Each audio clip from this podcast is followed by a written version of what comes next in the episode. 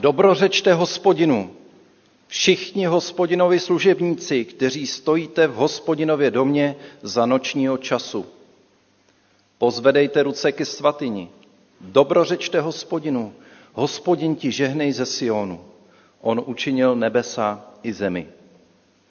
Ve jménu Otce, Syna i Ducha Svatého milost vám a pokoj od našeho Pána. Zdravím vás eh, na dnešní bohoslužbě a eh, srdečně vás všechny vítám, i kteří jste přišli do tohoto sálu, i vy, kteří nás sledujete na internetu, eh, nebo jakkoliv jste s náma spojeni. Jsme rádi, že můžeme společně slavit a radovat se z toho, co nám Pán Bůh dává a věřím, že i ten dnešní den je spousta darů, za které můžeme být vděční a takto můžeme vyznávat i společně v našich písních i modlitbách a přijímat i Boží slovo eh, ve stišení. Pojďme na úvod eh, zaspívat chval radostně vždy pána, píseň číslo 13. Píseň číslo 13.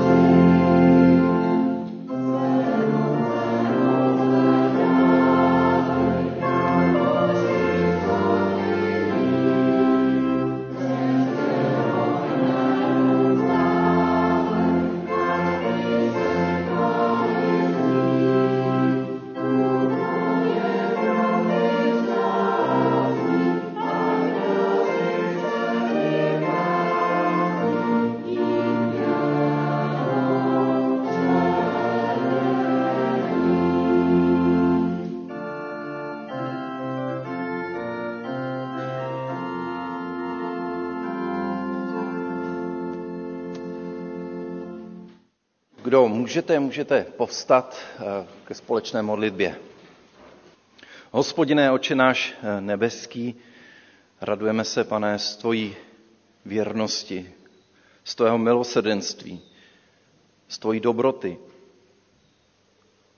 Děkujeme za to, že nás miluješ jako svoje děti, děkujeme, že nás miluješ jako svůj lid a děkujeme za to, že nás nikdy neopouštíš, a že jsi vždycky připraven být s námi i v těch dobrých, eh, krásných chvílích, i v těch těžkých, kdy nám není do zpěvu. Bože, děkujeme za to, že eh, i uprostřed tohoto lidu ty přebýváš a v každém z nás a že společně můžeme tvořit eh, tvůj lid a Kristovo tělo. Prosíme, pane, požehnej nám. Požehnej ten ten dnešní den, požehnej tuto bohoslužbu, požehnej každému, kdo jsme zde, aby jsme zakoušeli znovu, pane, tvoji milost a to, že jsi nám skutečně blízko. Děkujeme, pane, za život, který si dnes eh, zvlášť chceme cenit a připomínat. Ten dar, který, díky kterému můžeme být všichni zde. A tak tě prosíme, pane, požehnej i těm, kteří tu nejsou s námi. Myslíme na nemocné, na ty, kteří eh, z různých důvodů nemůžou přijet eh, mezi nás a chtěli by, tak prosíme zvlášť za ty, aby si eh, jim dodával radost a i, i, i to vnímání, že jsme s nimi. Prosíme, pane, požehnej nám svým svatým duchem, ať v plnosti zakoušíme i tvoji přítomnost zde v sále. Amen. Můžete se posadit. Zaspíváme další píseň o bratři tento den, píseň číslo 228. píseň 228.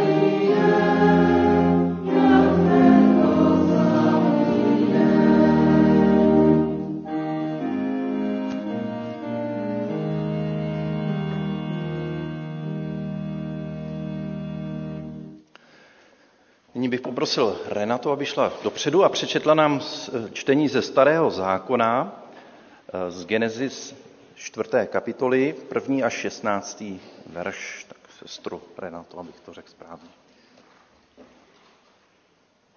I poznal člověk svou ženu Evu a ta otěhotněla a porodila Kaina. Tu řekla, získala jsem muže a tím hospodina. Dále porodila jeho bratra Ábela.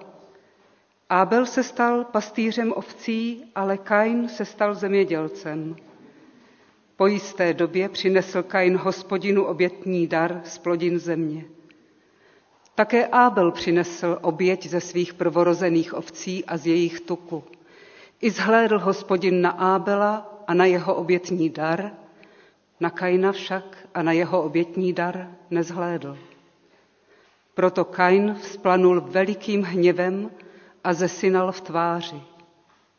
I řekl hospodin Kainovi, proč si tak vzplanul a proč máš tak synalou tvář? Což nepřijmu i tebe, budeš-li konat dobro? Nebudeš-li konat dobro, hřích se uvelebí ve dveřích a bude po tobě dychtit? Ty však máš nad ním vládnout. I promluvil Kain ke svému bratru Ábelovi. Když byli na poli, povstal Kain proti svému bratru Ábelovi a zabil jej. Hospodin řekl Kainovi, kde je tvůj bratr Ábel? Odvětil, nevím, což pak jsem strážcem svého bratra. Hospodin pravil, co jsi to učinil, slyš, prolitá krev tvého bratra křičí ke mně ze země. Budeš nyní proklet a vyvržen ze země, která rozevřela svá ústa, aby z tvé ruky přijala krev tvého bratra. Budeš-li obdělávat půdu, už ti nedá svou sílu. Budeš na zemi psancem a štvancem. Kain hospodinu odvětil, můj zločin je větší, než je možno odčinit. Hle, vypudil si mě dnes ze země, budu se muset skrývat před tvou tváří. Stal jsem se na zemi psancem a štvancem. Každý, kdo mě najde, bude mě moci zabít. Ale hospodin řekl, nikoli, kdo by Kaina zabil, bude postižen sedmeronásobnou pomstou. A hospodin poznamenal Kaina znamením, aby jej nikdo, kdo ho najde, nezabil. Kain odešel od tváře hospodinovi a usadil se v zemi Nódu východně od Edenu. Tak děkuji. A já bych pozval všechny děti, koukám, některé děti utíkají, tak možná, že se lekli, že bude slovíčko pro děti. Tak pojďte, děti, všechny dopředu. No, tak už utekli. Naštěstí neutekly všechny děti. A jsem rád, že jste tady, nebo my jsme rádi, že tady jste, eh, proto vždycky s váma chceme hm, tady prohodit pár slov. A dneska máme eh, před sebou takový přikázání. Víte, že desatero, to už víte, že o tom mluvíme tady. A dneska máme šestý přikázání. Víte někdo, kdo, jaký to je? Možná tak se zeptám tady těch velkých. Co máme dneska za přikázání, víte to? Nezabiješ nebo nezavraždíš. Tak myslím, že tohle přikázání je celkem snadné. Co myslíte? Už jste někoho zabili? Ne, já taky ne. Myslím, že většina z nás tady, co jsme, tak uh, jsme naštěstí nikoho nezabili. Tak to je takový prima. Uh, dneska si můžete říct, každý vlastně takový večer si můžete říct. Tak to je prima, dneska jsem nikoho nezabil. Co? Občas rodiče jsou za to rádi, že, že si to můžou říct. no, eh, přesto Bible nám říká, že tohle přikázání porušujeme všichni každý den. Každý den. A víte, děti, co vlastně ty přikázání jsou? Eh, přikázání nám ukazují, až úplnou hranici. Eh, to je jako kdybyste šli po nějaké cestě a před váma byla propast. A já mám tady takový transparent. To tam může být taková značka. Umíte někdo číst, co tam je napsáno? Pozor za 100 metrů propast. Propast. Jo, pojďte se propastí. Potřebuji, kdyby to tady někdo držel. Jo, tak pojďte mi. Byl první. Tak, to. Paráda. Tak si představte, že já jsem byl u jedné takové skály. Vyšel jsem na takovou skálu. A tam byl pomníček. A tam jsem se dočetl, že tam byl nějaký tatínek, který šel až na kraj té skály. A v tom se to stalo utrhla se s ním ta skála, kus té skály a on spadl až dolů do propasti a tam zemřel. A přitom všude, tam jsou napsány, nebo by měly být takovýhle cedule, ale mělo by to tam být, že jo? Pozor, propast. Nechoďte až na ten okraj. A boží přikázání jsou takovouhle krásnou cedulí, která nám říká, pozor, na konci té cesty po které jdeš, tak je propast. A tam je tvůj konec. A kdyby ten tatínek dával pozor, tak by určitě z té skály nespadl.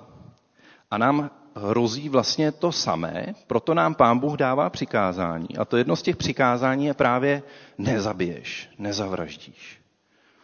A když e, se vás zeptám, Chtěl byste být někdo vrahem? Jak se, jak, víte, jak se říká člověku, který zabije někoho? Jo? Jak se mu říká? Víte to? Jak se říká tomu člověku, co někoho zabije? Zabiják. Zabiják? Vešelec. Vetřelec to je. Vetřelec, jo? Tak ještě? Vrah. Vrah. Přesně tak, je to vrah. A blbý je, často se to s člověkem nese celý život a lidi se na ně ukážou, ten už nikoho zabil, to je vrah. Protože jednou už zabije, tak od té doby je to vrah. A už mu to nikdo neodpáře. A tak nás pán Bůh varuje, když jdeme po té cestě, tak nám dává takový výstražný znamení a říká, když půjdeš dál po té cestě, tak na konci se můžeš stát vrahem. A proto nám pán Ježíš říká několik věcí, podle čeho poznáme, že jsme na té cestě. Víte, jak to poznáte, že jste na té cestě těch vrahů? On říká pan Ježíš, ve chvíli, kdy se zlobíš na někoho, kdy máš hněv vůči někomu, nebo když nikomu nechceš odpustit. A je tam ještě určitě na něco jsem, jo, taky říká, ve chvíli, kdy ponížuješ někoho, kdy mu nadáváš, kdy mu říkáš ošklivýma slovama, Krištofe. Je to tak. Když říkáš někomu ošklivýma slovama, když mu říkáš nadávky, tak jsi na té cestě, která vede do propasti. A říká pozor na to.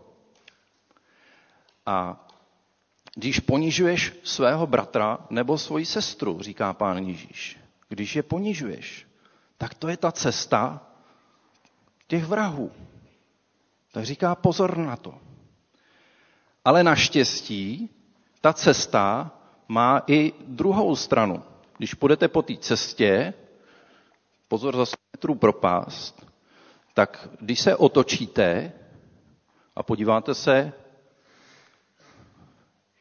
jo, jdete takhle po té cestě, cestou vrahů, zloby, neodpuštění, ponižování druhých, nadávek, jdete cestou vrahu a otočíte se.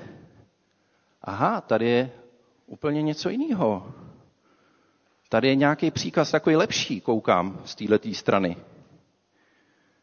Chcete to vidět? Tak to otoč, prosím tě. Co tam je napsáno? Rychle pryč dosud. Odsud. Ne, o, d. Odsud, viď? To se moc často nepoužívá, viď? Možná, nebo moc často nepoužíváš to slovo, tak to je jasný. Rychle pryč odsud. Takže když půjdeš tou cestou, pryč odsud, od té cestě vrahů, tak co myslíte, co má člověk dělat, aby nešel tou cestou vrahu? Vrátit se zpátky. Vrátit se zpátky, no, tak to už jdeme tou cestou tam, ale teď jsi na tomhle místě a řekneš si, ale já už nechci být. Nechci jít tou cestou vrahu, kdy lidi jsou na sebe zlí, neodpouštějí si, jsou oškliví. Tak co myslíte? Co vás napadne ještě? Poradíte mi. Co je opakem zabíjení? Někoho milovat? To je úžasný. Dát mu pusu třeba. Výborně. Pomáhat. Pomáhat. Výborně. Oženit se. Ty jo, dobrý plány. Jo. Někdy, ale někdy, někdy to končí špatně.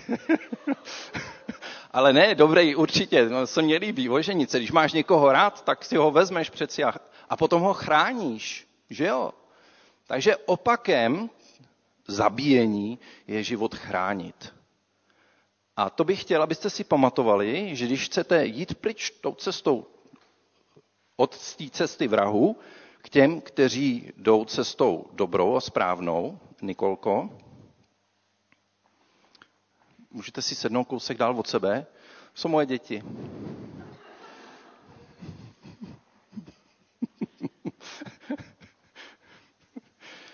tak eh, někdy to je těžký, jako opravdu nikoho, ne, všechny mít rád, ano. Takže jít tou cestou správnou je si odpouštět a mít se rádi. Tak, jak to říkáte správně. A taky myslet na to, že když někdo umírá, třeba, třeba hlady, tak co mu můžem, co může, jak mu můžem pomoct? No? Dát mu jídlo. Dát mu jídlo. Nebo? Půjčit mu nějaký jídlo. Půjčit mu nějaký jídlo. Výbor. Určitě. To já myslím, že je dobrý nápad. Poslat mu nějaký jídlo, takže třeba na Ukrajině, když tam děti umírají hlady, nebo prostě mají málo, málo jídla, rozhodně méně než my, tak jim můžeme poslat nějaký jídlo, a nebo jim můžeme poslat nějaký peníze třeba, nebo nějaký, eh, třeba nějakému sboru, nějaký církvi, nebo nějaký takový charitě a oni jim koupí to jídlo. Takže to je rychle pryč odsud a jsem rád, že si to budete určitě teď pamatovat, že budete cestou vrahů, to je zloba, neodpuštění, nenávist, nebo když plánujete nějakou pomstu, jak někomu ublížit, tak to je ta cesta vrahu. To je to proti tomu přikázání šestýmu. A když se otočíte, tak budete tou cestou dobrou a správnou, rychle pryč odsud, a to je to, že budete pomáhat a chránit život. Tak já se ještě pomodlím. Pane Ježíši Kriste, děkujeme za to, že eh, nám ukazuješ, jaký tou cestou nejlepší a krásnou a dobrou a že to můžou vědět i malí děti, že tomu jasně rozumí, že máme eh, lidi milovat a chránit a žehnat jim a přát jim to dobré, eh, i když nejsou stejní jako my, i když jsou úplně jiní a třeba mluví cizí řečí, tak přesto jsme všichni, všichni jedna velká rodina, protože máme tu prapra babičku Eh, Evu a pra, pra, pra, pra dědečka Adama a všichni eh, patříme k sobě, protože ty si nás stvořil. Tak pane, prosíme, nauč nás chránit život a žehnat eh, všem lidem, i těm, kteří třeba nás nemají rádi. Amen.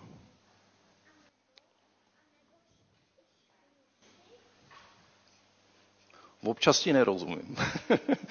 tak děkuji děti a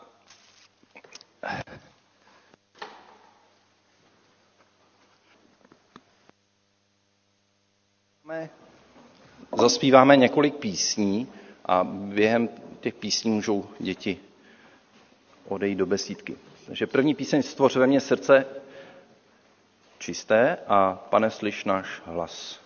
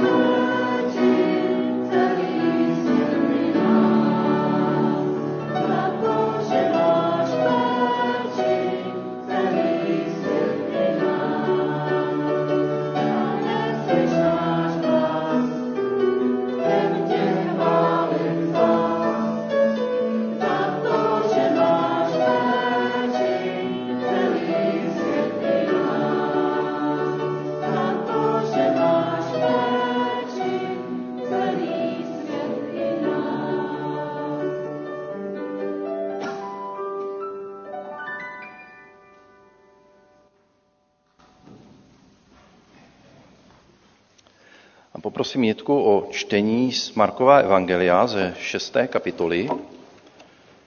Marek 6. kapitola, verš 19. až 30.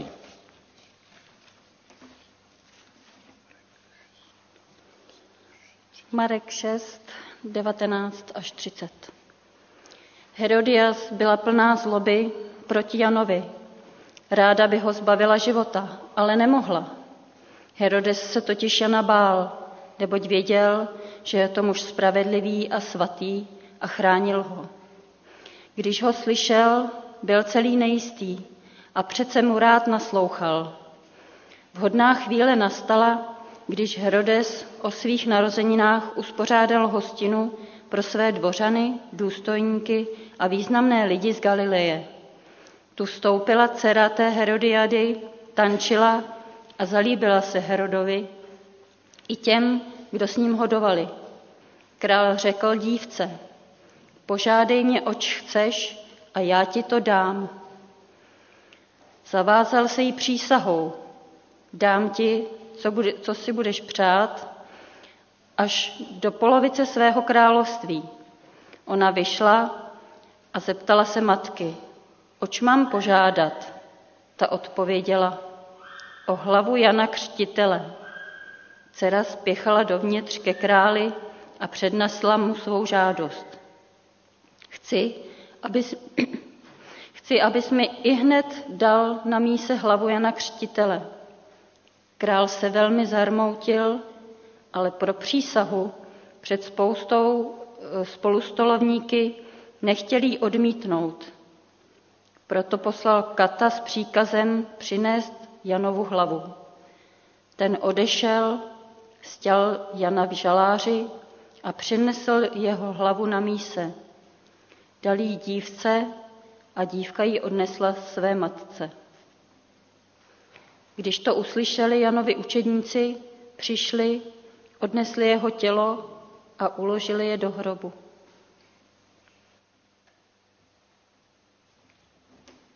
Děkuju.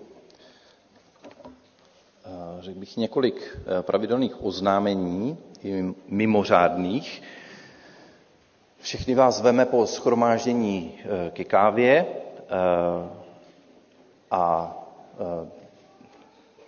vzájemnému sdílení ve velkém klubu.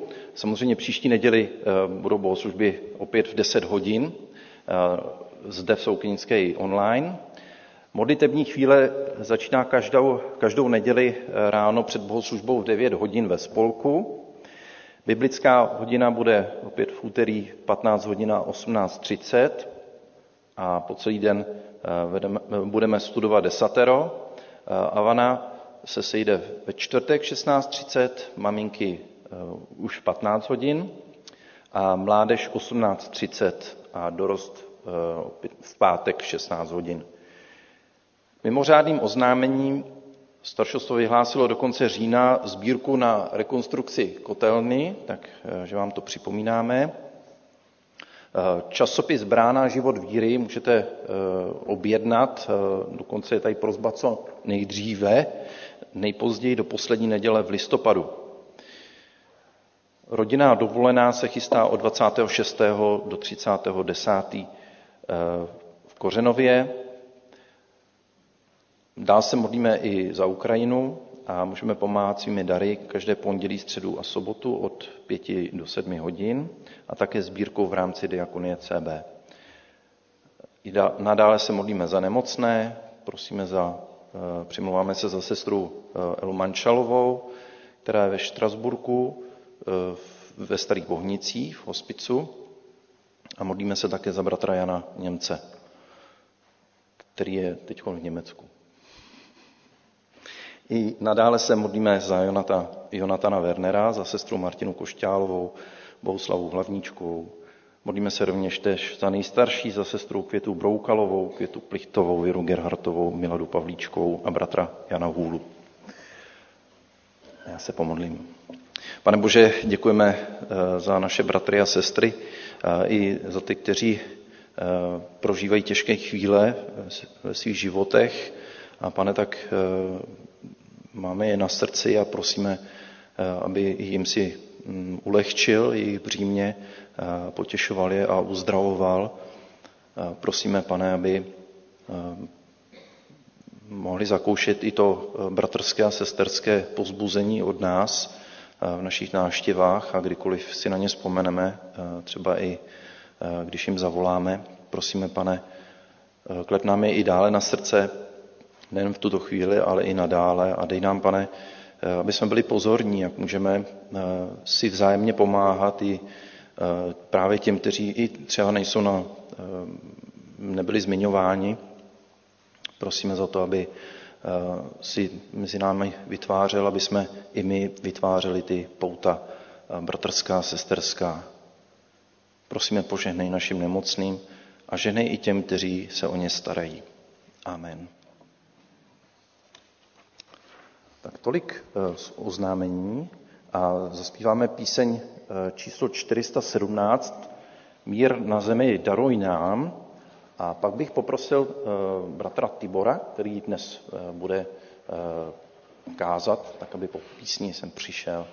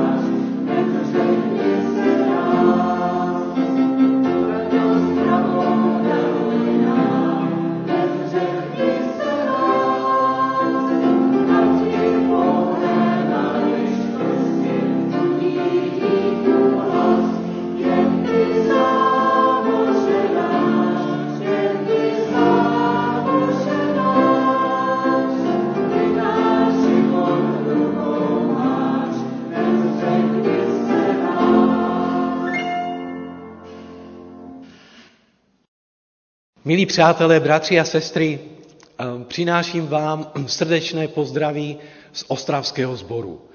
Včera jsme měli setkání Omaru, což je odbor pro manželství a rodinu a tak jsme si v tom týmu připravovali různá témata ehm, a jedno z těch témat je Nezabiješ podtitul Jak zvládnout svého teenagera.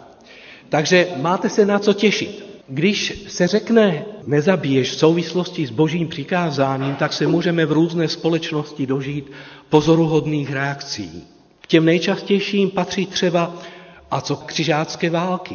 Kde je to jejich nezabiješ? Když zabíjeli.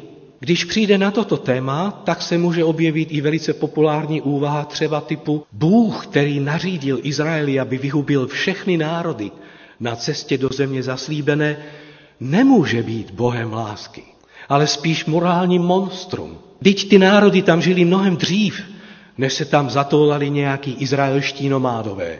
Mezi těmi biblicky více znalými se dokonce můžeme setkat třeba s takovou reakcí, co to je za Boha? Nejdřív zatvrdí srdce egyptskému faraonovi, pak ho strestá z ničeho nic deseti ranami a nakonec ho chudáka nechá škodolibě utonout moři i s celou egyptskou jízdou tomu fakt dělá dobře. Když je všemohoucí, tak proč zabíjí? Teď nařídil, nezabiješ. K nejčastějším reakcím ovšem bez zesporu patří, když je Bůh láska a je všemohoucí, proč tedy nechává války? Proč nevinní lidé mají umírat? Tolik lidí zahyne při zemětřesení, tornádu, tsunami. Kde je ta jeho moc? Jak to sladit s jeho přikázáním nezabiješ? Asi se shodneme na tom, že v dnešní době toto šesté přikázání nabývá významně na aktuálnosti i v otázce potratů a konfrontace pro-choice eh, skupin, což se řeší ve všech krajinách vyspělého západního světa. Mnozí křesťanští aktivisté ve svých protipotratových heslech zmiňují etický imperativ božího přikázání právě nezabiješ, čili nepotratíš, protože potrat je pro ně porušením tohoto přikázání. S velice bizarním případem jsem se setkal mezi studenty na univerzitě. Byla to roztržka mezi obhájci práv zvířat v její radikální podobě, kteří obhajovali to, že živé bytosti, veškeré živé bytosti, mají mít stejná práva jako lidé. A mezi těmi, kdo obhajovali takzvaný antropocentrický eh, koncept v ekologii, což znamená, že všechno má být podřízeno člověku. A člověk je tedy nějakým pánem těch, té pyramidě, té důležitosti. Člověk stojí nejvýš a to ostatnímu má být podřízeno.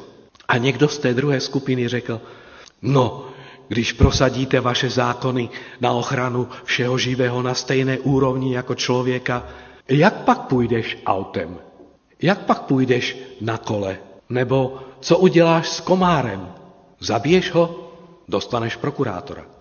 Kdyby se mezi němi tehdy objevil nějaký křesťanský pacifista a řekl by, já odmítám válku, neřeknu žádnou přísahu a nevezmu do rukou zbraň ve jménu přikázání, nezabiješ. Pravděpodobně stěží by kdokoliv z onech, z onech skupin tomuto pacifistovi zatleskal. Všichni by si klepali na čelo. Jak to v mnoha diskusních zápasech bývá, začneme někde a skončíme jinde. Horší na tom je to, že nezačneme tam, kde se začít má. A i když všechny zmiňované příklady argumentačně a názorových pozic šermují s pojmem nezabiješ jako s božím přikázáním, tak nikdo z nich nezačal tam, kde by se to dalo očekávat. Proto jejich úvahy jsou víc než problémové. Kde tedy je dobře začít? Když chceme pracovat s božím přikázáním, nezabiješ. Abychom tam neviděli to, co tam není. A nepřehlédli naopak to, co tam je. A je to vůbec pro nás tak důležité? Tak pojďme se nejdřív podívat na historický kontext. Což znamená, kde to bylo vyřčeno. Kdy to bylo vyřčeno? Komu to bylo dáno? Proč to bylo dáno? Proč se objevuje deset slov?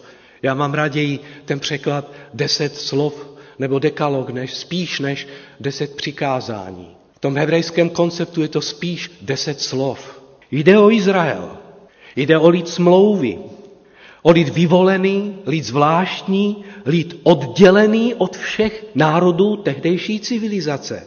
A což je velice důležité, je to po vysvobození Izraele z Egypta. Je to po velice milosrdné a mocné intervence, intervenci boží, boží moci, kdy svůj lid vyvedl z otroctví. Tedy nejedná se o smlouvu typu, když tohle dodržíš, pak budeš můj.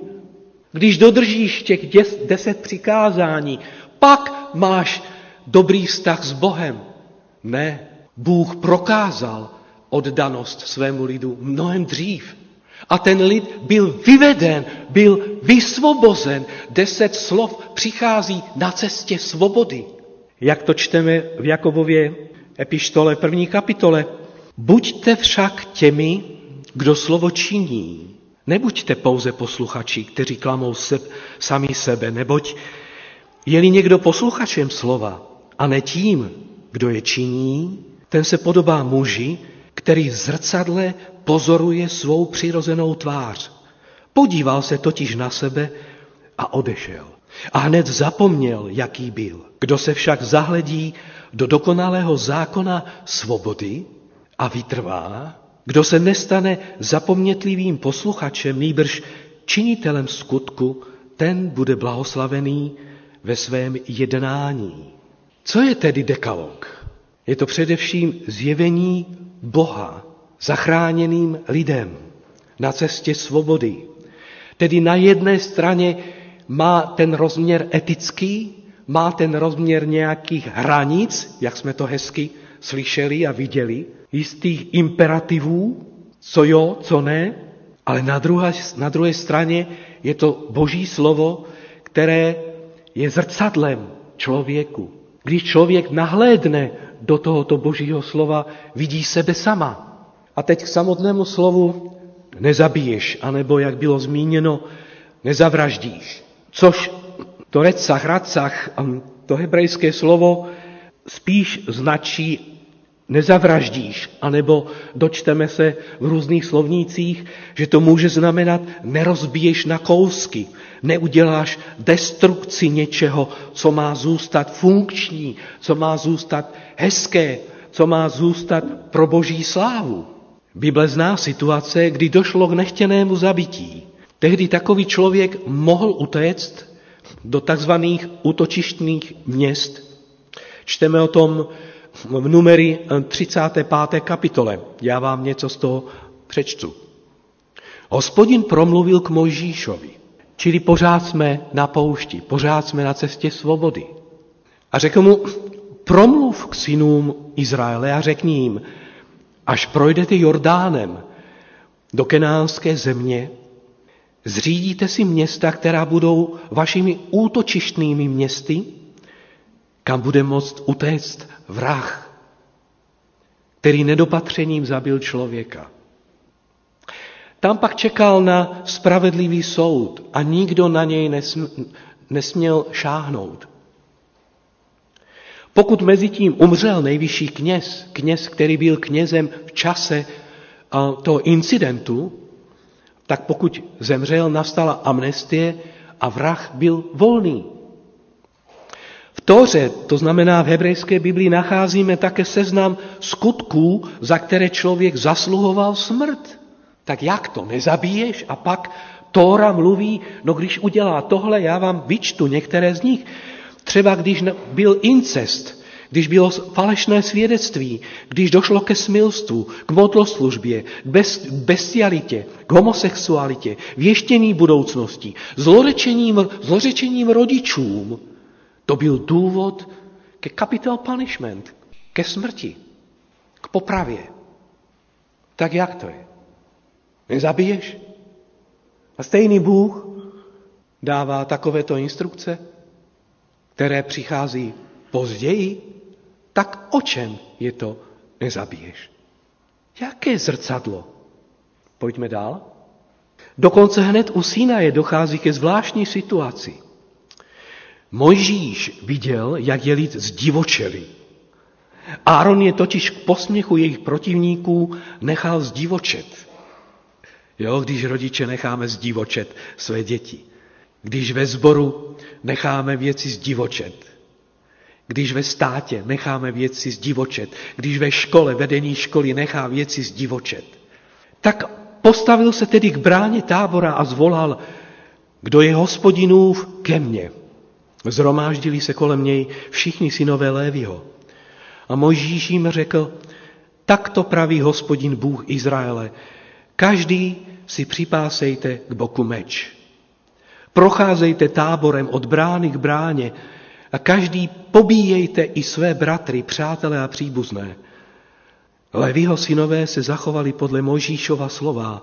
Toho dne padlo z lidu na tři tisíce mužů. Možíš totiž řekl, a teď to je impozantní, vstupte dnes do služby hospodinu, i kdyby měl každý jít proti svému synu nebo bratru, tak na sebe dnes přivedete požehnání. Velice lehce by se mohlo stát, že nás to svede k otázkám a úvahám, které se vzdálí od jádra deseti slov. Přesně to se stávalo Izraelcům pořád a pořád. Pořád řešili jenom, kdy jo, kdy ne a když možná a když možná ne. Pořád ty legislativní otázky a jak moc máme trestat a kolik zubů e, za malý zub a kolik za stoličku a jestli můžu zabít v sebeobraně a co je vlastně sebeobrana, co již není sebeobrana. Ale jo, to jsou velice validní otázky a pro život a fungování společnosti zcela nezbytné. Proto právníci pořád mají co dělat a budou mít co dělat. A vznikají etické kodexy. A parlament pořád řeší novely, novely ústavních zákonů a novely novel. A my víme, že to půjde dál. Primární smysl deseti slov je však jiný. Je to boží pohled na člověka, na to, jak by měl žít ve svobodě. Protože svoboda není o tom, že si dělám, co chci. Svoboda je život v jistých mantinelech. I v ráji, kde nebyl hřích, kde nebyla smrt, i kde ďábel neměl ještě přístup. Bůh řekl Adamovi, ze všech stromů můžeš, ale z tohoto ne, když, když zemřeš. Je tedy smrt trestem? Je tedy smrt nějakou výstrahou? A nebo se dovídáme jistý pohled na realitu, na jistého tajemství o životě, o existenci, o tom, jak funguje univerzum, jak funguje skutečnost.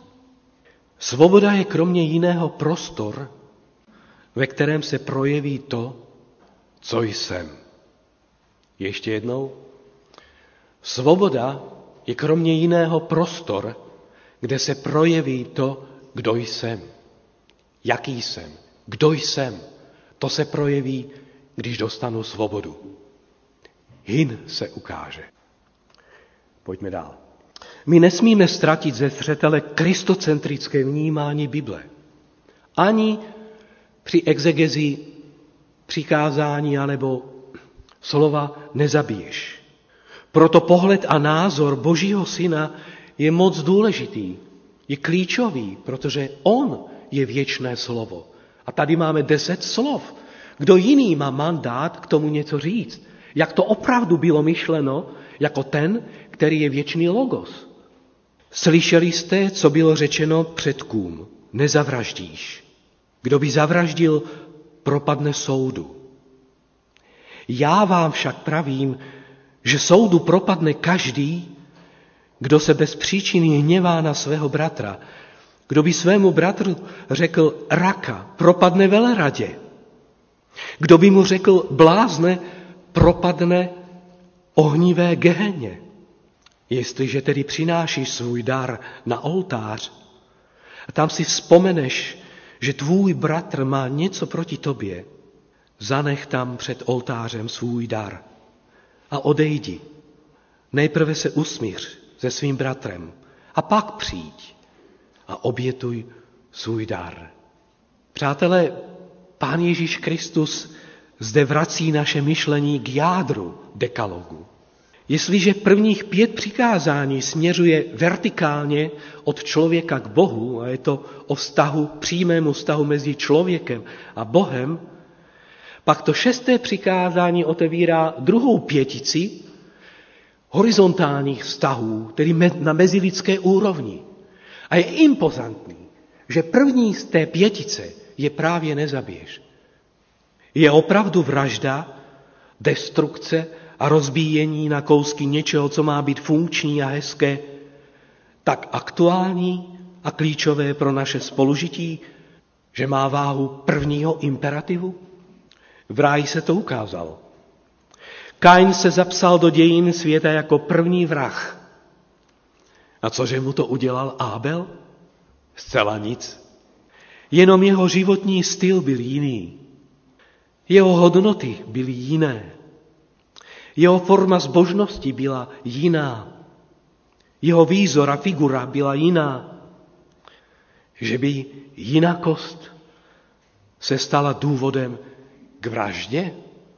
Pán Ježíš vede farizeje a zákonníky hlouběji od vnějšího projevu člověka. Když někdo řekne druhému idiote, prázdný mozku, slepice, kreténe, debile, slabochu, tehdy je ten signál o konfliktu jako docela zjevný, čitelný, měřitelný. Každý to ví. Tady je problém. Ale co když se někdo ovládá? Co když je někdo diplomat? Hezky se usmívá. Profesionálně. Nic takového neřekne. Jenom pěkně, hezky, tiše zaútočí jako had. S úsměvem. S milou tváří. Co když mistrovsky zamaskuje svůj tah na šachovnici vztahů, že nikdo nemá ani nejmenší potuchy, odkud fouká vítr. Co se pak stane? Destrukce. Proto pán Ježíš otevírá učetníkům důležitost skrytého světa. Proto je vede do světa motivů, vnitřních záměrů, skrytých myšlenek, představ. Kam je to vede? Kam to naznačuje?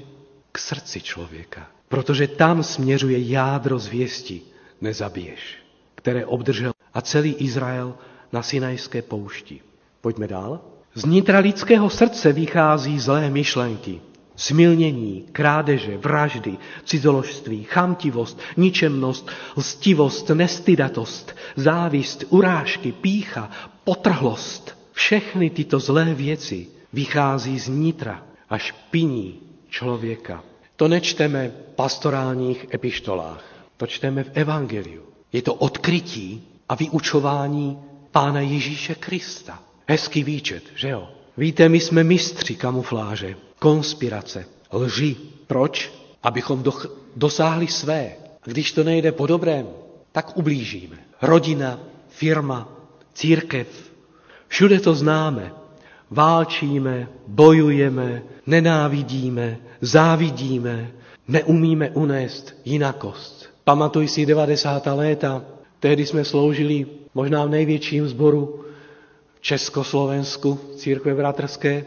Jak jsem zaslechl, když skončili bohoslužby, ve foaje si sestry povídali, viděli jste Frantu, jaké má sako? To stálo minimálně tři tisíce. No, on je podnikatel, on si to může dovolit. E, dnes to neřešíme. To byl rok 1991.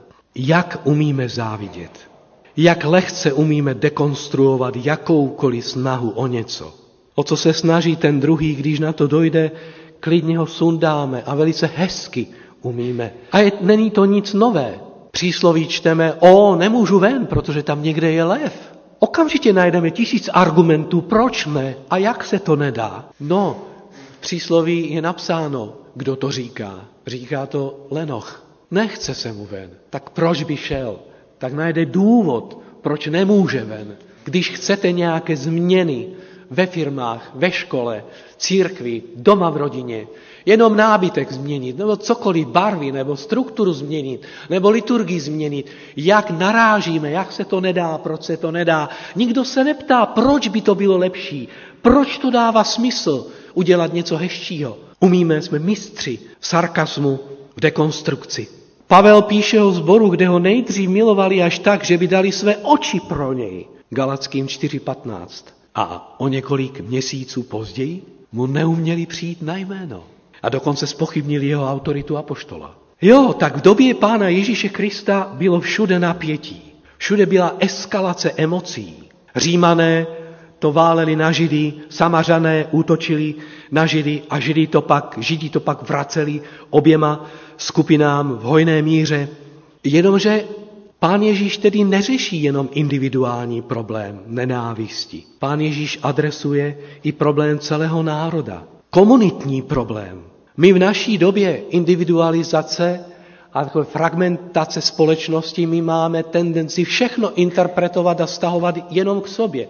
Ale hebrejské myšlení je kolektivní myšlení. Čili otázce nenávisti, v otázce zabíjení, v otázce progresivnosti anebo regrese, anebo jakkoliv to negativismu a pozitivismu, to se může a má adresovat i kolektivům, i komunitám, i větším celkům. Být božím se musí projevit nejen privátním, ale i veřejném prostoru. Dobře víme, jak to bývá složité, když hněv ovládne jednou z partnerů. Jak cíleně umíme vyslat sarkastická slova nebo jak jsem řekl, s úsměvem na tváři vyslovit střely těžkého kalibru, které přesně zasáhnou a zraní A dokonce můžou tam být i svědci a lidé kolem a ti vůbec nic netuší. Ale ten partner klesá, protože on rozuměl a ta střela ho zasáhla. O tom bývají mnohé pastorační rozhovory o skrytém smrtícím hněvu a nenávisti. Pán Ježíš mluví o tom, abychom hlídali svůj svět emocí a skrytých motivů. Ať naše ano je ano, ať ne je ne. Podívejte, jak se jed války šíří i dnes. Byli bychom si to pomysleli před třema lety, co se stane na Ukrajině? Žádná vojenská literatura nezná něco takového, co se děje tam. Brutalita, která se tam odehrává přímo před kamerami. Celý svět na to hledí. Umíme číst s porozuměním, ale to není jenom Ukrajina. Třeba v zaměstnání, v práci šéf seřve svého podřízeného, ten pak přijde domů, seřve svoji ženu, ta pak dítě, a pak dítě, když má nějaké zvířátko, tak to odnese to němé zvíře. A nebo ta ozvěna toho jedu se vrací do společnosti silněji a silněji. Podívejte jenom, jak eskaluje atmosféra ve společnosti. Jaká nenávist se šíří ohledně názoru na vakcíny, ohledně názoru na Evropskou unii, ohledně názoru na premiéra Fiali a jeho novou vládu a samozřejmě na Putinovou válku na Ukrajině. Téměř je nemožné najít nějaké, te, nějaké téma k diskuzi, aby se společnost nerozvadila. Aby se nezvedli vášně, že bratr nezná bratra. Jak krutí umí být lidé v otázce LGBT. Jestli sledujete trošičku, co se děje na Slovensku, tak teď došlo k brutální vraždě. Jeden docela sympatický kluk vzal tátovi zbraň, běhl do gay klubu anebo před gay klubem a zastřelil dva lidi. A předtím psal na Instagramu a na, na sociálních sítích, jak nenávidí homíky a židy a jak si to on s něma tedy jako vyrovná. Najednou to Mojžíšovo přikázání nezabiješ, respektive nezavraždíš, se opravdu stává nesmírně klíčové proto, abychom uměli plout na stejné lodi, na které již jsme. My jsme odsouzeni ke spolupráci. Proto si máme vytvářet přátelé a ne nepřátelé. Jak to evangelium praví, když máš nějakého nepřítele, tak smíř se s ním, hledej v něm přátelství. Pokus se to obrátit na přátelství. Vytvářejme a proaktivně přátelství. Ne identifikujme nepřátelé. Samozřejmě, že je musíme identifikovat. Ale to není dominantní princip nad tím principem, když nejsme blbí, no tak budeme identifikovat, ale nad tím je vyšší princip, princip přátelství, který bude přikrývat a vnášet něco jiného, než jenom identifikace. Seš za? Seš proti mně? Nebo jsi za mě? Jak Jozue, když šel do boje. A málák Jahve, anděl hospodinů mu říkal, já nejsem ani proti tobě, ani s tebou, já jsem anděl hospodinů. Já hraju jinou ligu. Já přemýšlím jinak, ne binárně, jak ty. Učme se jednotě v rozmanitosti, budujme mosty tam, kde skončil dialog. Hledejme cesty tam, kde se země propadla a není žádného spojení. Tam, kde se zvedá destrukce, stavějme účinnou konstrukci na spevnění toho, co se hroutí. A jestli je řešením to, abychom rozebrali dům cihlu po cihle a postavili něco lepšího a funkčnějšího, tam pak ale není řeč o destrukci. Tam mluvíme o revitalizaci. Co říct, co říct závěrem? Je tak, je tak lehké zabít. Už jste zabili, opravdu někdy zabili nějaké zvíře, kromě prasátka samozřejmě. Je velice lehké zničit, je velice lehké zbourat jeden knoflík a barák padne. Ale je tak těžké přivést k životu. Je tak těžké něco postavit. Je tak těžké vytvořit něco pěkné a vnést to do života něco užitečné. Je tak těžké přinášet něco, co buduje, co vzdělává. A právě tudy vede cesta. To první, ničení, to jde samo, protože to patří k přirozenosti člověka. Já tomu říkám entropický princip smrti. Ale to druhé, to náleží do sféry nadpřirozeného, do sféry božího. Proto je to tak těžké, proto je to tak vzácné, proto je to tak potřebné. Když pán Ježíš Kristus vyučovalo přikázání nezavraždíš, on neřešil legislativní věci. Ani neřešil primárně etickou stránku přikázání. On pokaždé, zleva, zprava, ze zhora, ze zadu, ze předu, pokaždé, pokaždé směřuje k jednomu jedinému. A tím je srdce člověka. Směřuje k duchovní realitě. Protože prorok Ezechiel říká, proroctví, dám vám nové srdce a nového ducha dám do vašeho nitra. O toto jde v dekalogu primárně. To je v jádru deseti slov zjevení hospodina svému lidu. Jde tam totiž o víc, než jen život, který se vidí. Proto Bůh, který nenávidí vraždu, který nařídil, nezavraždíš, zabil svého syna. To je ten paradox. Nechal zabít svého syna a dokonce nevinného za vinné. Teď se ptejme, kde je v tom logika? Teď, ať všichni z těch skupin, kteří mají potíže, filozofické, teologické potíže, etické potíže, legislativní potíže, teď ať se ptají, proč, kde je v tom logika, jaká je v tom morálka. No není v tom logika. Ani nemůže být, protože je v tom láska. Láska Boží k nám. Tedy můžeme říct, za přikázáním nezabiješ se vlastně skrývá nabídka. Uvěř zabitého a vzkříšeného. Tudy vede cesta do země zaslíbené Izraele. Přátelé, nevím jak vy, ale já lepší nabídku neznám. Vy, jo? Děkujeme. Můžeme odpovědět eh, v písni Dej mi, pane, bdělé srdce. Píseň číslo 514. Píseň číslo 514.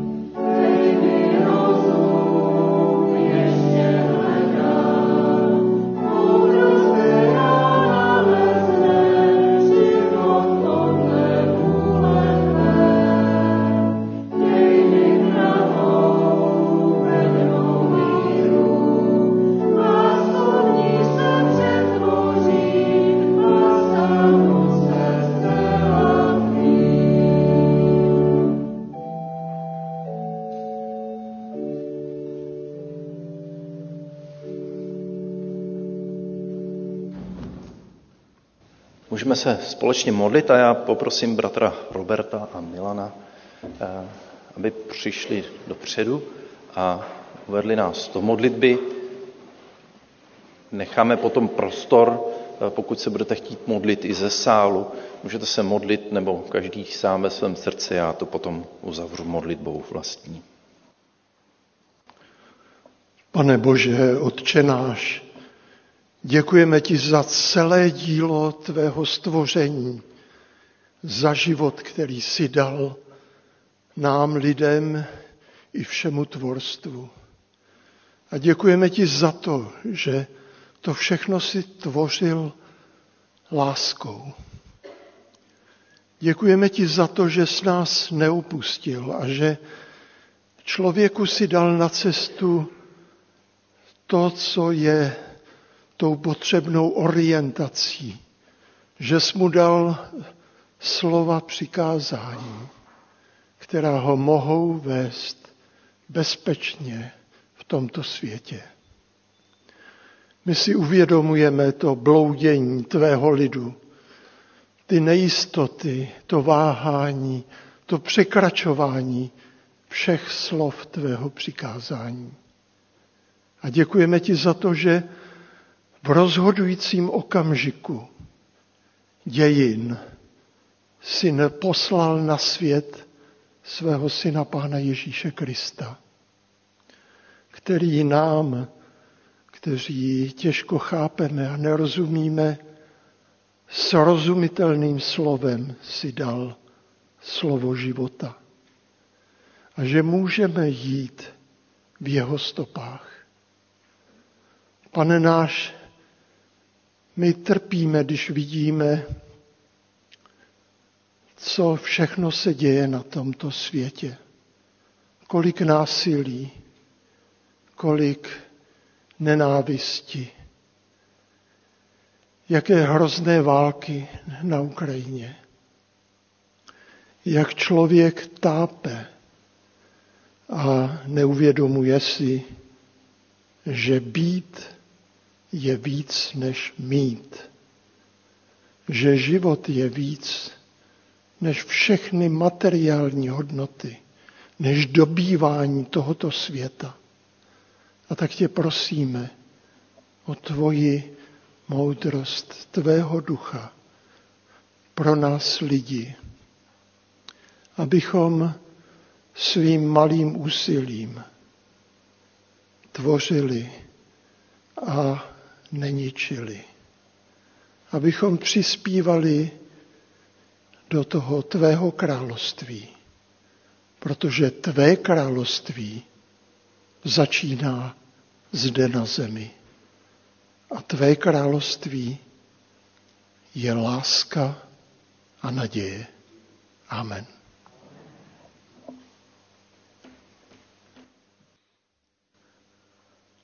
Pane Ježíši, Spasiteli náš, děkujeme ti a chválíme tě za spasení, které si připravil svou smrtí na kříži, které je pro každého hříšníka.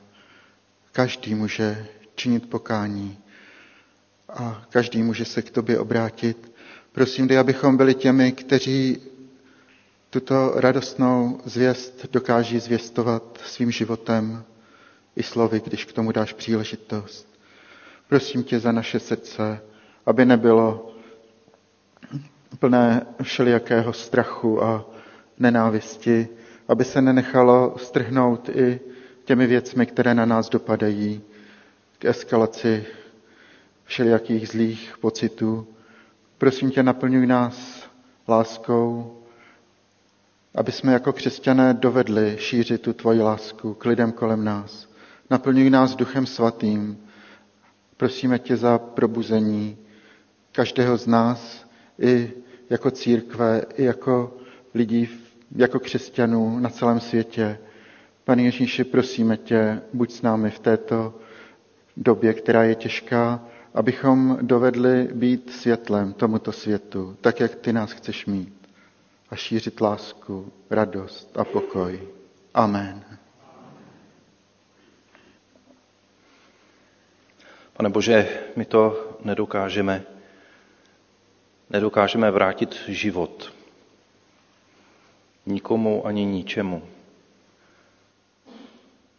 Pane, tak děkujeme za to přikázání, které nás vede k tomu, aby jsme chránili život. Který je tak vzácný, život všeho. A tak vidíme, pane, že život je obrovský dar. Často si to neuvědomujeme a tak tě prosíme za to, aby si nám dal pochopit a stále si uvědomovat vzácnost života. A pane, tak tě prosíme o moudrost, aby jsme věděli, jak chránit život. A když se musí použít i násilí, aby se ochránil ten dobrý život, dávy, pane, na moudrost, aby jsme toho nezneužívali. Prosíme, pane, ať jsme vždycky vedení tvojí láskou a tvojí moudrostí, touhou po smíření, po odpuštění. A tak vidíme, jak eh, i když se musí vzít to násilí do rukou a bránit život ve válce, jak to způsobuje ještě další bolest a další příkoří a další trápení. Tak víme, že jediný lék potom je odpuštění a smíření. A tak tě prosíme za to, aby došlo ke smíření. Na Ukrajině, aby docházelo ke smíření mezi různými náboženstvími, aby docházelo ke smíření mezi lidmi, kteří jsou jiní. A pane, tak nás učiň i nástrojem tohoto smíření mezi lidmi. Aby jsme dokázali stavět mosty v lásce a v pokoře jeden druhému. Pane, prosíme, pomáhej i této jednotě v našem sboru, v našem společenství. A pane, ať i my můžeme stavět mosty ve společnosti, mezi lidmi. A i když máme různé názory, pane, kde ať v nás nikdy není eh, nenávist, neodpuštění, ponižování, hněv, ale aby jsme se vydali tou cestou, kterou nám ukazuješ ty. Někdy i sebezapření a dokonce i eh, vlastní oběti. Tak děkujeme, pane, za to, že ty miluješ život a pane, prosíme, ať milujeme život, ať se z něho radujeme, ať se radujeme, pane, z každého dobrého života a ze všeho toho dobrého, které z tvojí ruky přichází. Pane, pomož nám chránit. Amen. Budeme zpívat závěrečnou píseň. Můžete se posadit. Píseň 263. Pán Bůh je láska. Pán Bůh je láska 263.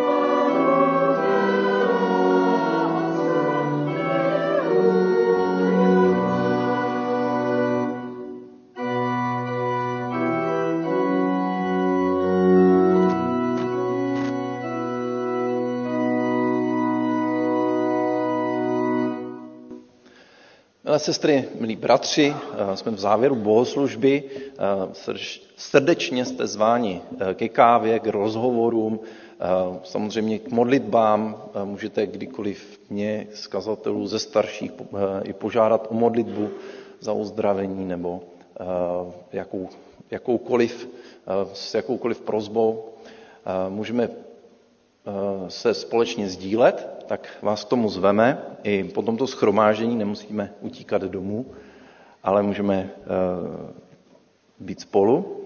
A teď slyšte slovo na cestu a slova požehnání. Můžeme povstat.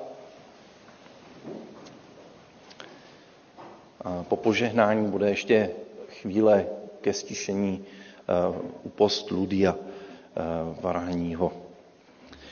Děkuji tady taky muzikantům, tady zpěvákům a Jiřině za doprovod. Boží slovo z listu Římanům, 12. kapitoly. Nikomu neodplácejte zlým za zlé. Vůči všem mějte na mysli jen dobré. Je-li možno, pokud to záleží na vás, žijte se všemi v pokoji.